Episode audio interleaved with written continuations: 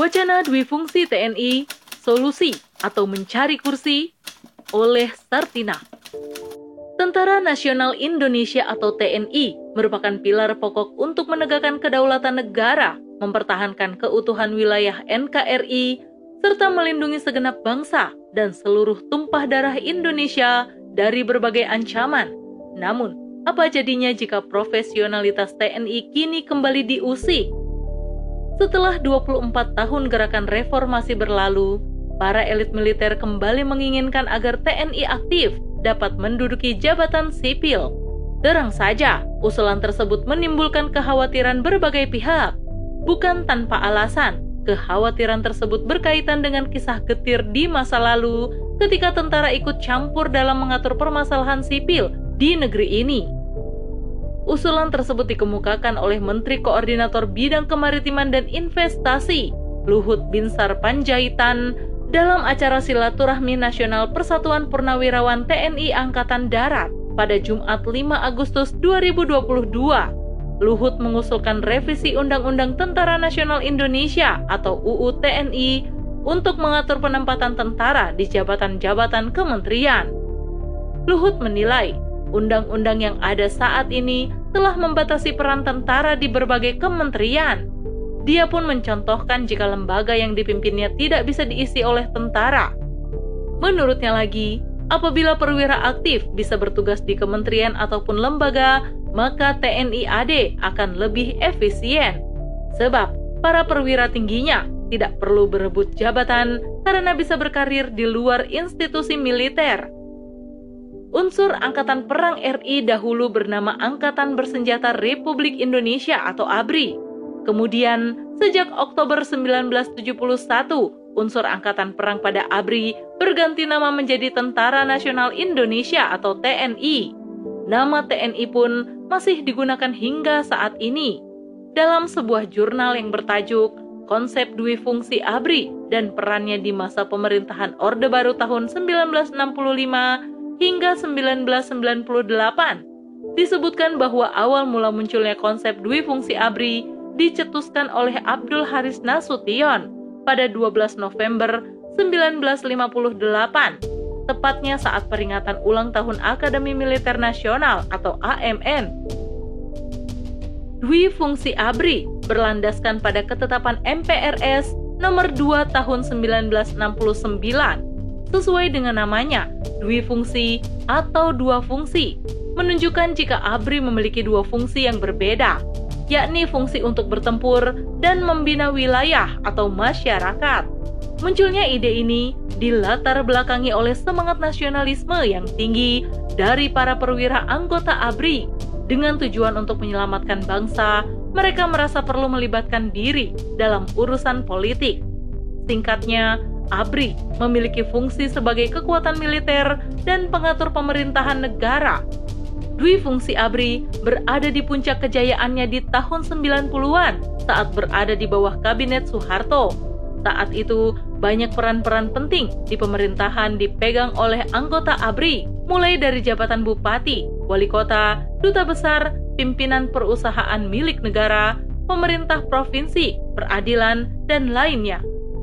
Persoalan militer seperti tidak pernah usai dari perbincangan publik Sejak rezim Soekarno, Soeharto, hingga era reformasi, beberapa hal yang menjadi topik pembicaraan adalah tentang surplusnya perwira di tubuh TNI, pelanggaran hak asasi manusia atau HAM, dan perilaku represif militer.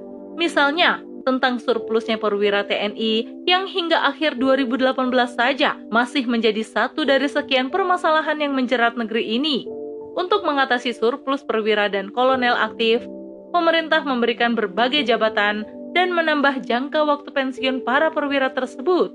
Tidak hanya itu, sebagian mereka bahkan ada yang ditempatkan pada lembaga atau kementerian sebagai ASN. Sayangnya, upaya tersebut belum berdampak signifikan, apalagi menyelesaikan permasalahan di tubuh TNI.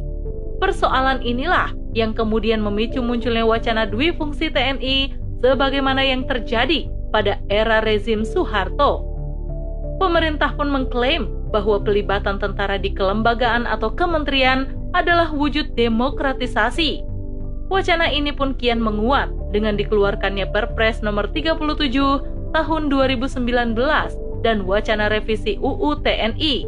Revisi tersebut disinyalir menjadi celah kembalinya peran militer ke institusi sipil. Sebagian pihak bahkan menilai Perpres tersebut hanya mengakomodasi praktik bagi-bagi jabatan para perwira tinggi non-job yang justru akan menimbulkan permasalahan baru. Kekhawatiran sebagian pihak akan kembalinya peran militer ke institusi sipil bukan tanpa alasan. Hal ini terkait dengan sejarah pahit masa lalu ketika militer ikut campur mengurusi persoalan sipil. Sebut saja di era Orde Baru, di mana militer saat itu tak hanya berperan dalam bidang pertahanan, tetapi telah masuk ke ranah sipil, ekonomi, dan politik. Di bawah kepemimpinan Presiden Soeharto, pemerintah sering kali menggunakan pendekatan militeristis ketika menyelesaikan persoalan sipil. Keterlibatan militerisme paling sempurna adalah timbulnya sikap otoriter yang terwujud dalam bentuk kekerasan terhadap masyarakat sipil. Sebut saja berbagai konflik antara sipil dan negara yang terjadi karena ketidakpuasan masyarakat justru diselesaikan dengan cara kekerasan, yakni pengerahan militer, sebagaimana yang terjadi pada peristiwa Malari, Talangsari, dan Tanjung Priok. Selain terjun di ranah sosial dan politik, militer juga berkuasa di sektor ekonomi. Sekitar pada tahun 1950-an, tepatnya di awal kemerdekaan, karakter bisnis di tubuh tentara Indonesia telah bersarang. Bahkan, menurut Julianto Ibrahim, konsep dui fungsi militer di era Orde Baru telah membinasakan jiwa entrepreneurship rakyat sipil. Hal ini disebabkan militer dengan pangkat dan senjatanya mempunyai kedudukan atau daya tawar yang kuat di hadapan para pengusaha maupun militer lain yang saat itu menjabat sebagai kapitalis birokrat. Jika pemerintah menyetujui revisi UU TNI, maka bukan mustahil sejarah dwi fungsi militer kembali berulang Bukan mustahil pula jika negeri ini akan menjadi era Orde Baru Jilid 2. Padahal, adanya keterlibatan militer di institusi sipil sangat berpotensi mengembalikan fungsi kekaryaan TNI yang dahulu berasal dari doktrin dwi fungsi ABRI. Sedangkan dwi fungsi ABRI telah dihapus dalam gerakan reformasi 1998. Ini artinya upaya mengembalikan dwi fungsi militer telah mencederai semangat reformasi 1998. Salah satu tuntutan pembubaran dwi fungsi militer saat itu adalah untuk mengembalikan profesionalitas TNI sebagai aparat pertahanan negara. Munculnya wacana revisi UU TNI justru memunculkan kecurigaan lainnya apabila menilik kebijakan penguasa dalam sistem demokrasi yang cenderung membela kepentingan segelintir orang. Bukan tidak mungkin bahwa revisi tersebut hanyalah dalih agar militer kembali menduduki posisi di lembaga atau kementerian. Lihat saja bagaimana selama ini penguasa tak segan mengutak-atik undang-undang demi memuluskan berbagai kepentingannya. Padahal, ikut campurnya tentara dalam menyelesaikan permasalahan di lembaga sipil tidak menjadi jaminan akan menyelesaikan persoalan. Apalagi tentara hakikatnya dilatih untuk menjaga kedaulatan dan keamanan negara bukan menyelesaikan permasalahan yang terjadi di kementerian atau lembaga sipil. Banyak fakta menunjukkan bahwa pelibatan tentara dalam pekerjaan sipil justru berakhir dengan kegagalan. Misalnya saja, proyek lumbung pangan di Kabupaten Gunung Mas, Kalimantan Tengah. Proyek lumbung pangan atau singkong yang dipimpin oleh Menteri Pertahanan Prabowo Subianto itu justru gagal mencapai target. Tak hanya mengalami kegagalan, Proyek food estate yang telah menghabiskan ratusan hektar lahan tersebut telah menimbulkan kerusakan lingkungan dan mengundang bencana banjir secara berkala. Hadirnya Islam di tengah karut-marutnya sistem kehidupan saat ini adalah solusi bagi semua manusia, sebab Islam adalah agama paripurna yang menyelesaikan seluruh persoalan hidup dari yang mudah hingga berat, dari urusan individu hingga negara, termasuk di dalamnya mengatur peran militer. Dalam Islam, semua hal yang berkaitan dengan angkatan bersenjata atau militer berada di bawah Departemen Peperangan atau Da'iroh Al-Harbiyah, seperti pasukan, persenjataan, peralatan, amunisi, logistik, akademi-akademi militer, misi-misi militer, serta pemikiran Islam dan pengetahuan umum yang dibutuhkan tentara. Selain itu, departemen ini juga menangani segala hal yang berkaitan dengan peperangan dan persiapannya. Juga berwenang menyebarkan mata-mata atau intel untuk memata-matai kaum kafir harbi, serta membentuk lembaga intelijen. Selain menjadi penjaga keamanan dan pertahanan, tentara Islam memiliki misi mulia, yakni turut menyebarkan Islam ke seluruh penjuru dunia melalui dakwah dan jihad. Hanya saja, peperangan dalam Islam bukan menjadi ajang kekuatan negara, untuk menguasai dan menjajah bangsa lain. Perang dilakukan oleh kaum muslim semata-mata untuk memenuhi seruan jihad yang diperintahkan Allah Subhanahu wa taala dan merupakan salah satu metode untuk mengemban dakwah Islam yang akan menghilangkan halangan fisik.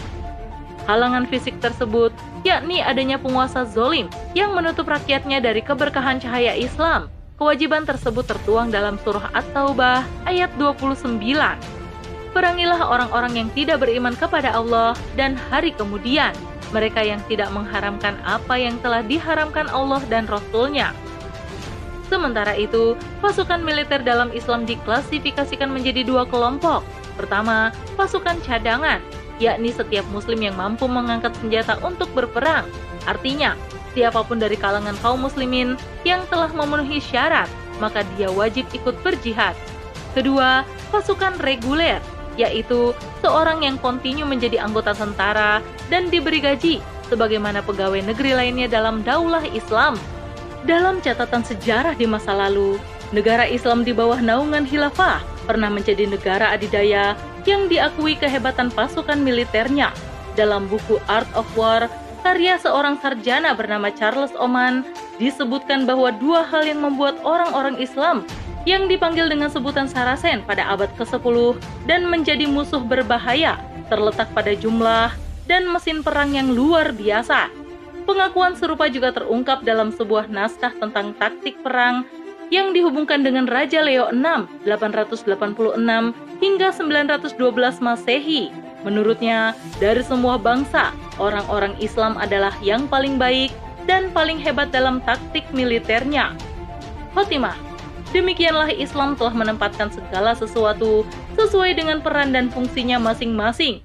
Sebagaimana Islam telah menetapkan peran militer, yakni sebagai penjaga negara dari berbagai ancaman musuh-musuh Islam, serta menyebarkan Islam ke seluruh penjuru dunia melalui dakwah dan jihad. Peran tersebut tidak bisa diotak-atik, hanya demi kepentingan segelintir pihak. Wallahu a'lam bishawab. Wassalamualaikum warahmatullahi wabarakatuh.